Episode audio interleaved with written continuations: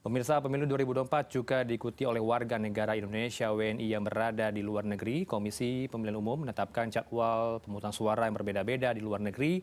Ada yang digelar lebih cepat dan ada pula yang bersamaan dengan pemilu di tanah air 14 Februari 2024.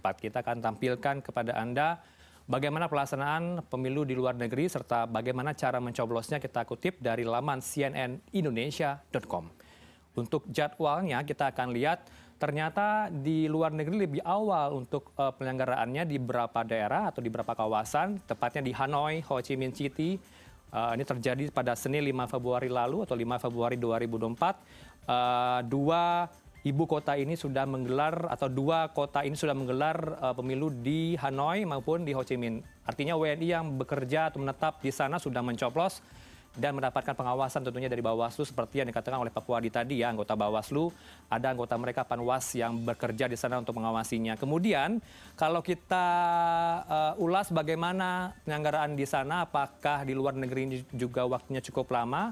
Ternyata benar terjadi dari tanggal 5 hingga 14 Februari 2024 ini tersebar di 128 kota yang ada di seluruh dunia. Ini kami kutip dari aturan KPU dan jika saya jelaskan 128 kota untuk saat ini terlalu panjang, saya akan ambil contohnya adalah dari yang terpa paling cepat dilakukan itu pada hari Senin 5 Februari. Dan juga yang bersamaan dengan Indonesia itu pada tanggal 14 Februari atau sepekan ke depan begitu ya. Rabu 14 Februari 2024 yang bersamaan dengan kita negara Indonesia adalah Astana Kazakhstan kemudian Madagaskar Republik Madagaskar Beijing China kemudian Guangdong atau Guangzhou China dan juga Shanghai China termasuk di Taipei uh, Taiwan. Ini digelar pada 14 Februari 2024. Kita akan lihat slide berikutnya uh, bagaimana ya untuk mencoblos. Tapi sebelum ke sana saya jelaskan juga bagaimana dengan mereka yang umroh. Apakah mereka akan juga nyoblos di saat waktu pencoblosan? Ternyata tidak. Saya kutip dari aturan KPU, mereka yang umroh ke Arab Saudi itu akan dilakukan statusnya sebagai wisatawan, bukan sebagai DPT.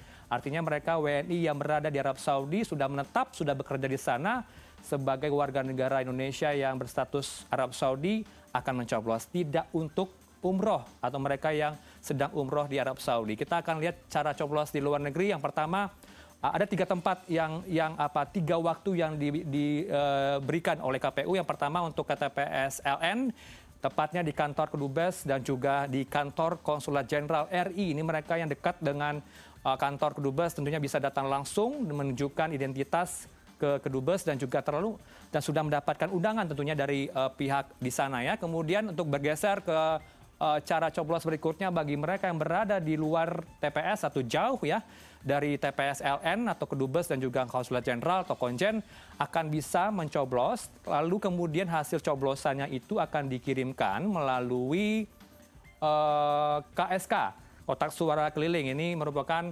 uh, poin yang ketiga yang saya jelaskan ya atau KSK karena mereka berjauh dari TPS TPS LN. Kemudian yang terakhir ini dia di tengah-tengah gambarnya pemirsa. Saya tunjukkan di, tengah-tengah dikirimkan melalui pos. Ini mereka yang berada di luar uh, dari TPS LN, terlalu jauh juga dari mereka yang berada di sekitar area atau kota harus menempuh waktu yang lama, kemudian menggunakan uh, moda transportasi yang cukup sulit.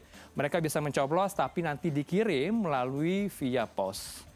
Itu tadi ya eh, kita lihat untuk cara coblos. Yang terakhir, Anda perlu tahu bagaimana untuk penghitungan suara dan juga rekapitulasi suara.